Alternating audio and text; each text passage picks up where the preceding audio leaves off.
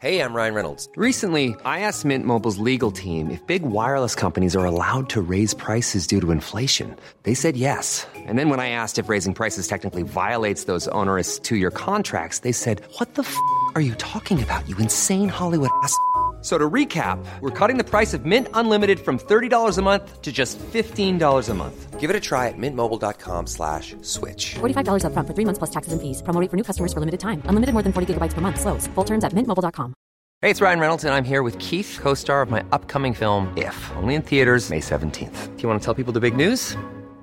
All right, I'll do it. Sign up now and you'll get unlimited for $15 a month in six months of Paramount Plus Essential Plan on us. mintmobile.com slash switch. Upfront payment of $45 equivalent to $15 per month. Unlimited over 40 gigabytes per month. Face lower speeds. Videos at 480p. Active Mint customers by 531.24 get six months of Paramount Plus Essential Plan. Auto renews after six months. Offer ends May 31st, 2024. Separate Paramount Plus registration required. Terms and conditions apply if rated PG.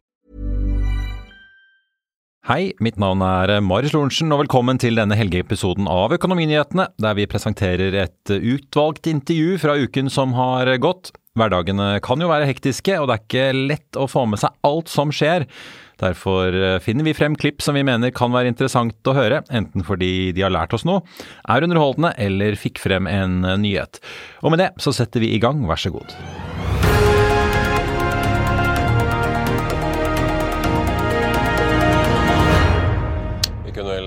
Knapt ønsket oss en bedre gjest i dag, når også kinesiske Evergrande trolig da går mot en oppløsning. Velkommen til oss, Pål Ringholm, investeringsdirektør i PKH, helse, Pensjonskassen for helseforetakene på Østlandet. Ja, ja, ja. Det er Oslo hovedstadsområde, er det? PKH, PKH. PKH, vi holder oss eh, der.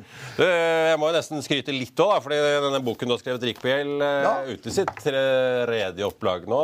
5000 solgte kopier. Fem og et halvt ved er Ja, ja, ja, ja, ja, så nå plager jeg alle. Det er jo godt gjort å skape så mye entusiasme for eh, gjeld og renter. Ja, det er deilig.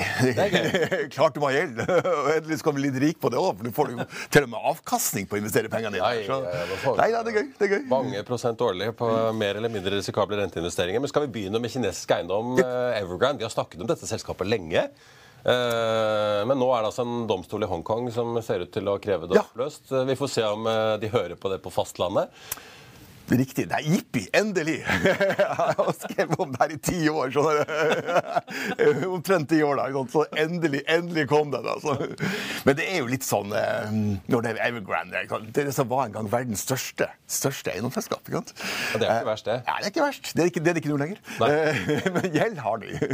Så er det, det er jo litt sånn at hvis du, hvis du har noen i familien som har ligget på dødsleie i, i, i tre år, eller siden desember 21, da, så blir du ikke sjokkert når det endelig inntreffer. ikke sant? Nei. Og, og det er det som skjer nå, da. Det er jo et selskap som har vært predikert å gå rett i veggen, eh, og nå har de formelt gjort det i Hongkong-børsen. Får vi se, som, som du sa, om eh, Hongkong-rettsinstansene, får vi se om rettsinstansene i Kina er med på den.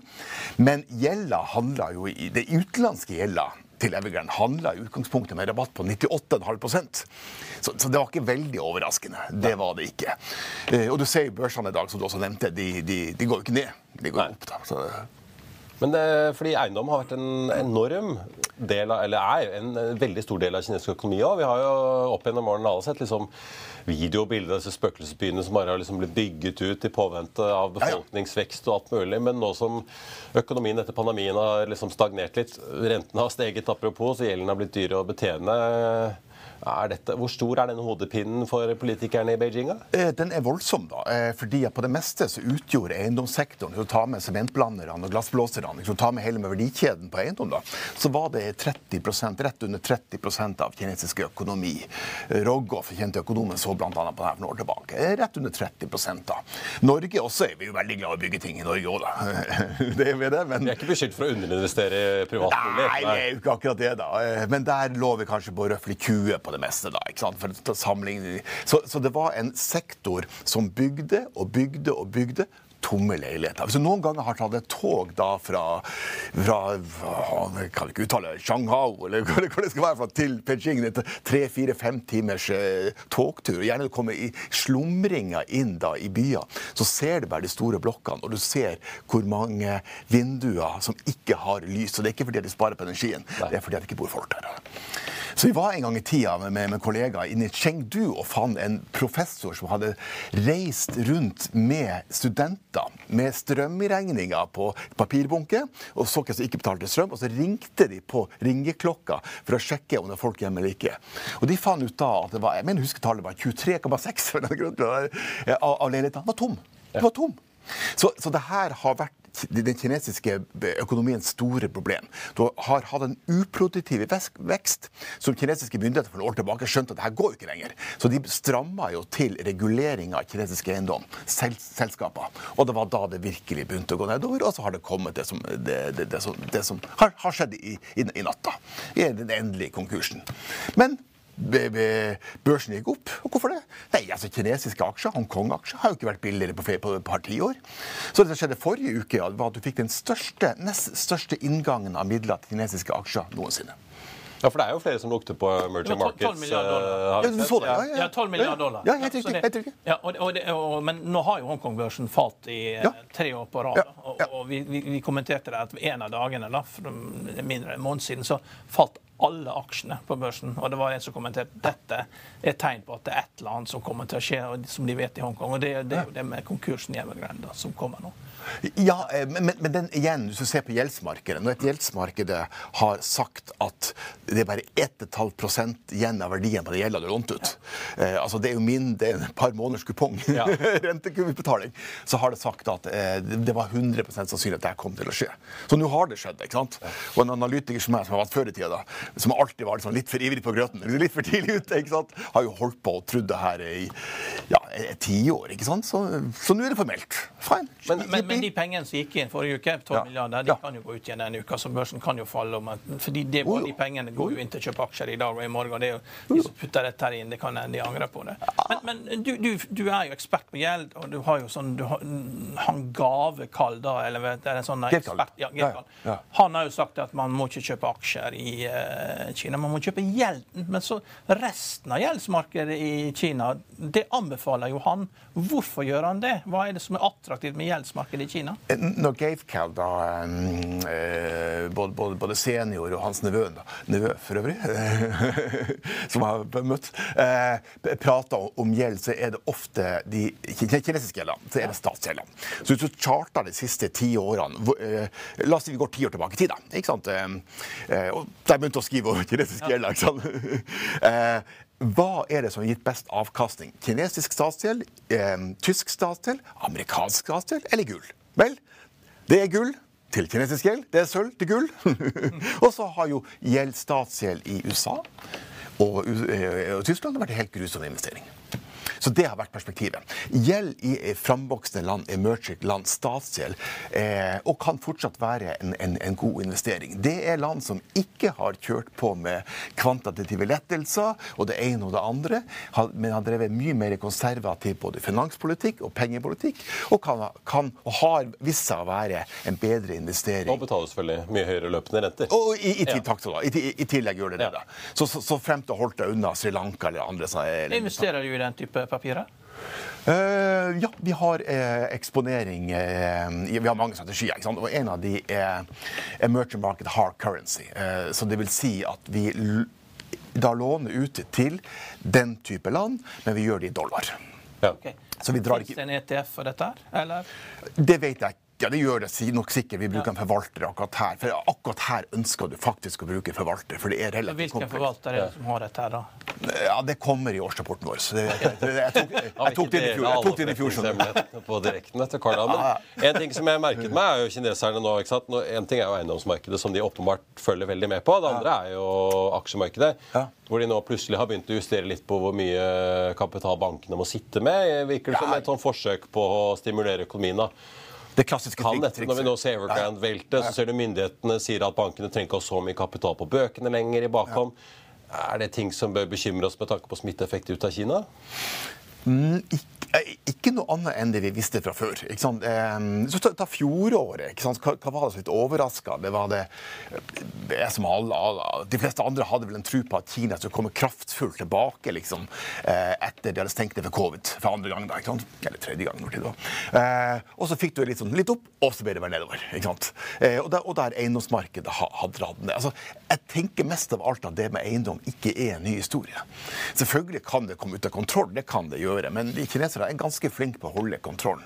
Så jeg er ikke så bekymra for det. Dette er en, en, sånn- en, en lang, lang prosess på å eh, ta ut luft av en del av økonomien som ikke lenger er produktiv. Eh, mest sannsynlig så klarer de å gjøre det på kontrollert måte. Så det er risiko for det går galt, selvfølgelig. da. Eh, og det er risiko for at andre ting har gått galt, om Taiwan er hva det er for noe. da. Men eh, det er ikke sånn at vi våkner opp i dag morges og skal være mer bekymra enn vi var i går. Bare fordi det er greiene gikk For det har egentlig bare blitt en forløsning på det vi alle gikk og ventet på. Godt oppsummert. Ja. Jeg, jeg merket med Philip Sissener, som jo forvalter et rentefond her i Norge, skrev jo i FA nylig at øh, Og det hørte vi jo for så vidt også fra Alfred Berg øh, litt før jul. At misligholdsratene er jo på vei oppover, i hvert fall i high yield-markedet. Liksom i ferd med å bryte gjennom et historisk snitt. Så, nå får vi se hvem som har svømt naken, som det så fint heter. Eh, Det var vel Under finanskrisen var vel misligholdsraten oppe i 30% på high yield. og så har vi jo, jeg tror Snittet sist jeg pekte på er sånn 5,5. og så Under pandemien var vi oppe i 10, og nå er vi liksom krysset rundt 5,5 igjen. Ifølge han, da, i hvert fall. Hva, hva ser du nå skjer liksom i gjeldsmarkedet ellers? Er det mange som begynner å slite med rentenivået? da? Ja, ja, ja altså, Det er jo en kjempemorsom problemstilling. Det er jo så mange zombiebedrifter. Det er stort spørsmål, jeg vet det, men Jeg vet det i USA at det, du, du klarer knapt å telle det. Men eh, du må dele markedet i, kan dele markedet i to. da, La oss, gjøre det, og, og la oss begynne globalt. da. Så Det typiske er at når du får en, en, en hard resesjon, så går misligholdsraten globalt da, globalt da, opp i 10-11 det, det, det er det typiske. Snittet er på 4,5 ish, et eller annet sånt. Ok. Kommer det til å, Hvis det, hvis det blir resesjon det- nå eller neste år, kommer det til å kommer nødvendigvis til å se 10% Nei, Ikke helt sikkert. Fordi at en del av lufta i, i krittmarkedet gikk litt ut gjennom covid. Du fikk rydda litt ut der, da. Det er det ene. Og det andre i det børsnoterte high yield-markedet, altså det som eh, obligasjoner som er børsnotert, så er det ikke så mange av de aller svakeste såkalt trippel C-bedriftene som det har vært tidligere. De har forlatt det markedet og gått til et annet marked. Et marked som heter private debt. Var det jeg skulle til å si. Ja, ja, det- For der er det, veldig mange av disse forvalterne globalt er veldig gira på private Ja, ja, ja. Og, og investerer også i private debt, men der er det veldig, handler det veldig om å finne ordentlige forvaltere. Eh, Der er det mye bra og mye dårlig. Eh, Så du har det markedet der, og så har du et tredje markedet, cap-markedet, eller leverage loans-markedet, som er bankenes eget high-marked. Det stoppa opp i fjor, så, det- så eh, det er også mer, mer gira. Det er mer utsatte bedrifter der enn du har i high-yield-markedet. Så de private markedene eh, er, ved neste nedtur er potensielt mer utsatte enn det børsnoterte high-yield-markedet. Ja. Men er det ja, men er private debt liksom er det, For du sier det er viktig å velge forvalter, da. Ja, veldig.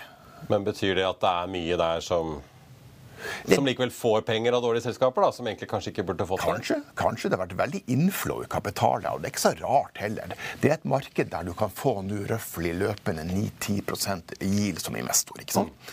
Eh, og med mindre de har investert i et forrykende dårlig selskap, så er det ofte du kan få en såkalt first lien, en førsteprioritetsposisjon. da. Så hvis selskapet går konkurs, at private equity-sponsoren, eieren, kaster kortene, ja, så får du overta det. Og hvis det er liv laga i selskapet, så kan du, kan du kjøre det eh, Se altså worst case at du overtar selskapet og får kjøre det videre. Så taper du kanskje litt penger, men kanskje ikke all, all verden så mye. Så ergo, det, det handler om god struktur der, og nedsida er nødvendigvis ikke så stor der. da. Men risiko er det, for all del. Hiring for your small business? If you're not looking for professionals on LinkedIn, you're looking in the wrong place. That's like looking for your car keys in a fish tank. LinkedIn helps you hire professionals you can't find anywhere else, even those who aren't actively searching for a new job but might be open to the perfect role. In a given month, over 70% of LinkedIn users don't even visit other leading job sites. So start looking in the right place. With LinkedIn, you can hire professionals like a professional. Post your free job on linkedin.com/people slash people today. I'll see you in court. Vi sier det ofte litt på spøk, Men for deg som driver business, er det aldri moro å innse at du ikke har laget en 100% gyldig kontrakt. Du bør ikke risikere hele firmaet ditt fordi du synes dette med kontrakter er litt stress. En avtale er ikke en avtale. Du kan miste kunder, miste venner, ja, til og med miste inntekter om du ikke lager en skikkelig kontrakt, på alt mulig, egentlig. Men vi vet det er et styr. Kopimaskiner, treg printer og haugevis av papir. Dessuten stoler vi jo på folk her i landet. Det er ofte litt kleint å skulle be om en signatur for alt mulig, ja, for mye av styret handler også om jakten på underskriften. Det finnes en enkel måte å løse dette på, Dukkobit, en trygg, effektiv og get this, gratis måte å sikre seg en god natts søvn pluss en juridisk bindende avtale. Dukkobit-appen har de strengeste sikkerhetskrav i bunn, samt en EU-godkjent og sertifisert teknologi. Framover vil det bli behagelig å spørre du, skal vi skrive under på det, eller? Kom i gang på dokobit.no. Mange, jeg tenker mange småsparere søker seg jo til eh, renteinvesteringer Ja. og gjeldsmarkedene og blir kanskje lokket av å se liksom, løpende avkastning. Jeg har gjeldt på pluss-minus 10, og ja. investment grade er det vel på 6-7, kanskje et sted 8 hvis du er litt heldig. Og likviditetsfond er jo fort 4-5. Fem, ja. Ja. ja. ja. Men hvis, hvis man liksom tenker at mm, nå har jeg lyst til å et, sette penger et sted. Ok, du får en grei løpende avkastning, men jeg skal ha, også ha litt nedsidebeskyttelse hvis det smeller. da. Hvordan bør man tenke da? da? Er det, bør man liksom bare fordele det litt sånn melde fra high yield og ned til likviditetsfond og pengemarkedsfond, eller? Ja, det, det gjør jeg med mine egne penger. Jeg har, jeg har en god del penger i markedet. Det liksom, gir meg 5% og det kan jeg leve. Blir ikke, får ikke, søvnløs av den grunn. ikke sant? Eh, har definitivt high yield. Eh, 10 og så kan man sitte der eh, kan man eventuelt prøve å selge seg ut hvis og dersom, men det er jo også en for, fordelaktig beskatning av det ikke sant, i Norge, relativt sett for aksje. Eh, og hvis man er redd for nedtur, og den kan komme Selv om jeg har vært i garasjen i helga og sjekka mine modeller eh, før, før det møtet her, og de eh, min er lysegrønn P3. Sånn, han, er ikke, han er ikke rød, skjønner du. Så hold ut litt til, tror jeg. Så, kan du kjøre på med litt eh, såkalt rentedurasjon. Da, ikke sant? Og det betyr at hvis resesjon kommer Du kjører sånn 60-40-porteføljer. ikke sant? Da- da- 40-delen, da, det klassiske porteføljeteori. Eh, hvis resesjon kommer og renta går ned en prosentpoeng, så får du gevinst med å ligge i rente. Ja. Så, så lag en miks. Det er mest fornuftig hvis du har penger nok til å gjøre det. Ja, for det er selv om det var vel, ja, 2022 var det vel, hvor det var både aksjer og renter fikk seg en uh, kjempesmell. eh. 20, eh, eh, kanskje- Det har jeg sagt det før. Jeg. 2022 for en internasjonal investor i rente var det verste året siden den franske revolusjonen. Altså det, det, det, Ja, det skulle jeg si, men uh, da må man kanskje ikke la seg forlede til å tro at eh, 60-40 og det å sitte med renter hvis det smeller og rentene blir Ja, men, men sånn, poenget var at jeg, jeg satt på det loftet da i 21 i Frankrike, i Paris, i, under covid, uten voksenkontakt og skrev boka. ikke sant? Og det, det var mens renta var null. Det var den, den, den, den tiden. Husker dere den? Da kapitalen var gratis. Ja. den helt sprø perioden. Du kunne bare ringe banken og få økt Og- takst og, det er få fol- seg ny elbil. Ja. Absolutt, og det er folk innenfor næringseiendom i Sverige og Norge trodde at dette var vedvarende. Det skal alltid være sånn. Så kom heldigvis 20 2022. Grusomt for mange. Vi kan godt ta, ro på nærings, ta næringseiendom i Norge. Eh, Vi kommer til å, vi over to år nå har jeg skrevet ned næringseiendom med nærmere 30% 30 hvis, eh, eh, fordi at kapitalen ikke lenger var gratis. Ikke sant? Tidligere investeringer. Og, og eh, noen har skrevet ned 20. Da har du sannsynligvis gullkraner på, på, på, på do. Eh, hvis du ikke har skrevet ned 20-30% på næringseiendommer de to siste årene i Norge, akkumulativt sett, så har du en, en, en revisor med en dyskalkuluksi. Eh, fordi at kapitalen er ikke lenger gratis. Og, men det er i stor grad repriser. da, ikke sant? Ja. Og når det er repriser, så kan du også gå inn i rentemarkedet og få betalt på en anstendig måte. ikke sant? Ja. Men vi må snakke om det store, det er jo dollaren. Akkurat nå så går, har vi sånn beige-stipning at både Ja. korte renter og langrenter går litt opp. da. Og, og eh, Den amerikanske staten finansierer seg veldig mye i den korte enden. og Ja. Det betyr jo at de har jo planer om å få ned renta, og at den skal bli vesentlig under den lange renta. Og eh, Vi er jo på vei i en situasjon der at renteutgiftene i, i USA går over skatteinntektene. Og da, eh, da kommer vi i en ny situasjon. og eh, Jeg var jo, hørte på Tore Johnsen på, på NHH. 40% av oljefondet er jo rett og slett bare at dollaren har styrka seg. Og når da USA kutter renten, fordi de bare kutter renten og trykker den ned, da blir det inflasjon. og da De ofrer altså dollarene for å beskytte banksystemet sitt. Hvordan ser, ser du dette spilles ut på tradisjonell måte, eller tror du det at ting kan komme litt ut av kontroll? Eh, ja, ting kan alltid komme ut av kontroll. Det er så, så deilig med finans. you never know. Ja, men, men jeg tror vel eh, først av alt at Fed er veldig opptatt av å og nå prøve å bevare det de har igjen av et godt navn og rykte. Etter å rota seg litt bort og fornekta inflasjon her for et par år siden, og det ene og det andre. Ja, sånn at eh, jeg vil tippe at først kommer de til å få ned inflasjon på to, og kanskje har de flaks kommer under. Og så eh, kan du hende der, Når de har gjort det, da, når det er på plass, check, så kan de begynne å endre litt på reglene. Mm. Da kan de si at nei, for framtida, for det ønsker myndighetene hvis du har mye gjeld, så kan vi kanskje tillate en litt høyere inflasjon. 2,5. Hva det er for noe. Og, og, og, det jeg tror da over de neste årene i vår del av verden, da, av flere grunner det, det grønne skiftet ja, Kjersti Haugland DB Markets var på oh, ja. besøk her på torsdag ja, etter rentemøtet i ECB og Norges Bank, og pekte nettopp på det at de bl.a. det grønne skiftet kommer til å drive prisveksten hardere. Grønne skiftet, der vi kommer til å investere mye mindre enn man ønsker, men det grønne skiftet. Eh, framveksten av radikale politikere, som gjør at moderate politikere ved makten kommer til å endre atferd. Og, og framveksten da, som vi allerede, der vi allerede er i vår del av verden, med mye gjeld, kommer til i sum til å medføre et, et, et, å resultere i et ønske om høyere inflasjon. Og det er en måte, det gamle, fine trikset som har fungert de to, siste hundre årene, med å få ned statsgjelda. Jeg husker jo Nicolai Tangen eh, han snakket om hvordan han, de tok grepet i oljefondet med å gå ned på durasjon for å unngå den verste rentesmellen i 2022. Han er jo vært, uh, gjort... Kanskje det er et dollargrep som er det nye? da, At uh, de må ja. gjøre en sånn sikring uh, hvis dollaren skulle svekke seg? Kanskje, men han tapte allikevel veldig mye penger. da. Man, ja. innenfor sitt mandat. Så, så, så, ja, Han må jo holde seg innenfor ganske strenge rammer, da, men det, det, det, ble litt mindre enn det kunne blitt. Absolutt, men bare se på hvor mye de tapte i 2022. Men det var fint gjort for all del. Eh, og ellers valuta, spåvaluta. Det finnes ikke noe vanskeligere i livet. Nei, men, men dollarsyklusen er jo der likevel. Man må ja. jo ikke være blind for det. At, eh, det, det, det, å spå på det korte så er vanskelig. Ja. Men, eh, men, når USA kutter renten for å bevare bankvesenet og Vi vet jo at lånene er jo nede på markedsverdi. altså Egenkapitalen er jo tapt på veldig mye commercial real estate i USA. Og, og, og da, eh, da, får du ikke refinansiering. Og, og skal du beskytte bankene, så må du uh, ofre dollaren. Du må, da, og det gjør du ved å kutte renta. Det, ja. det, eneste er at det som ja. kan bli litt overraskende i år, vi vet ikke. Det kan jo hende at rentekuttene som vi tror kommer, da, kan bli mer som backloaded. Da, altså dårlig norsk, da. Men, men, det kommer senere enn tidligere. ikke sant? Det kan være en ting som kan overraske markedet, fordi de ønsker tross alt å ha kontroll først på denne eh, inflasjonen. Og så har vært innom Rødehavet ja. eller andre ting. Plutselig får det et eller annet, så kommer midt i fleisen på oss. Det vet vi ikke. Ja. Det kan skje. Det har skjedd før på 70-tallet. Men vi får se. Laguide og mange som er veldig opptatt av å skyve forventningene ut i tid da, på disse rentekuttene. Ja. I hvert fall over sommeren, så får vi se. Men skal vi bare runde av kort med næringseiendom? fordi ja. litt det du sier, da. 20-30 ned ja, ja. I Norden. Men veldig mange rentefond. I, i, i Norge. Ja, i Norge. Ja, i Norge. ja, ja. I Sverige er det kanskje mer? Ja, ja det er, i hvert fall 30 har typisk uh, implisitt uh, aksjemarkedene prisa inn. De fikk, sen, uh, fikk aksjemarkedet i Sverige en boost opp da, på det crap-rallyet Fra oktober utover? Helt riktig, november, ja, Men hvor tror, du, hvor tror, du, dette skal, da? Når, altså, uansett om det er i obligasjonslån eller på bankenes egen lånebalanse. Dette, altså, hvis ja. dette går galt, så er det jo et kjempeproblem for veldig mange.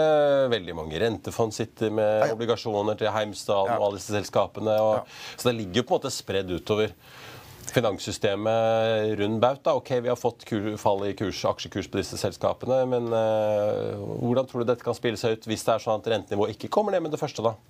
Nei, altså det, det, som er spennende her, det er jo det at det, det, aktiviteten i næringseiendom la oss holde oss i Norge, da, eh, har tatt seg opp i det siste. Det har begynt å bli omsetninger. Man har det GIL-begrepet som på en måte konsensus ligger på 4,75. Altså Hvis det er 5, da, så betaler du 20 ganger i inntjeninga for, å ta det inverset av den Eh, det er bare det at siden denne konsensusen at nå er vi i gang igjen, så har den norske femårsrenta det som måtte er relevant. Da. Den har gått opp ca. 40 punkter, altså 0,4 prosentpoeng. Da. Så det har vært en Renta har økt i løpet av året, men eiendomsmarkedet har ikke brydd seg om det. De, så eiendomsmarkedet tror at de er flinkere på rente enn rentemarkedet tror sjøl. Det, det, kan være, det kan være et blaff, det kan være en reaksjon etter den kraftige rentegangen som var i november-desember, for, for all del. Jeg vet ikke. Jeg synes jeg, jeg, hadde mye, hadde, hadde hatt veldig klare synspunkter på renta sånn investeringsmessig de to siste årene. som har vært. Først skulle den opp, og så skulle den til slutt sprekke det på slutten av året. Vi har posisjonert av det. Jeg er mye mer usikker nå med inngangen til dette året. Det er, så mye, er så mye komponenter som ligger der som er veldig vanskelig å predikere. Fra geopolitikk til resesjon, når tid det kommer, når tid kommer rentenedgangen. Men sektoren er fortsatt eh, og hvis du tar med Sverige, det er fortsatt usikkerhet. Det klart. Du, det store risikoen er at du får de øyeblikkene der eh, det minske moment, der det én aktørs problem blir et problem for alle. Når én eller to store aktører går over ende. Det har vi ikke opplevd ennå, men det kan fortsatt skje i Sverige. Altså, det er ikke urimelig. Vi sitter jo på krysseierskap uh, ja, rund baut, og jammen meg to av dem ja, det, alle Entra, eller hva det er. Og, ja, det ser ikke ut, men prater du svenskene, så tror de at staten skal berge dem. Så det, vi får se. Og kanskje, kanskje, kanskje blir de berga på at inflasjonen bare går rett ned igjen. Det kan skje, ikke sant? og renta likeså. Vi får se. Svensker har jo tradisjon for å gi garantier. Det gjorde jo under bankkrisen, ikke sant? Ja, da de, de, går jo ikke, de, de blir jo ikke konk, men de gir garantier som gjør at du kan jobbe deg ut av det. Ja. Så, eh, så, eh, og igjen tilbake til norske næringseiendom. Hvis du har en revisor som kan, som kan regne, da, ikke sant? ikke, ikke sliter med kronisk dyskalkuli, da, så har du skrevet ned verdiene dine når, når du avlegger årsregnskapet nå fortløpende. Ja. Eh, så får dere jo her i studio sjekke hvor mye, mye, man har skrevet ned. Det er mye mer behagelig å legge fram et regnskap med bare EBITDA og så fortelle at regnskapet kommer senere. Kvartalsoppdateringer, det Kan man gå litt sånn selektivt til verks? Det er smarte idé å ta smerten med en gang. Nei, det Nei, jeg vet det, det er mange som ikke liker det, men det er veldig smart. Bli ferdig med det. Vi får følge med på det. Om. Eh, det viktigste er vel at eh, belegget er bra i disse kontor- og næringsbyggene, har jeg skjønt. Så får vi se hvordan det går. Veldig hyggelig at du ville komme innom oss. Ha en riktig god uke, så får vi se hva Drome sier på onsdag kveld. Og det var det vi hadde for deg i denne omgang. Du finner flere klipp inne på f1.no-tv, eller ved å søke opp Økonominyhetene hos Apple, Spotify eller der du måtte høre på podkast. Mitt navn er eh, Marius Lorentzen, og vi er tilbake igjen eh, på mandag med Børsmorgen og Økonominyhetene. I mellomtiden så ønsker jeg og alle vi her i Hegna Media deg en riktig god helg. Takk for nå. Økonominyhetene er en podkast fra Finansavisen. Programledere er Marius Lorentzen, Stein Ove Haugen og Benedikte Storm Bamvik. Produsenter er Lars Brenden Skram og Bashar Johar. Og ansvarlig redaktør er Trygve Hegnar.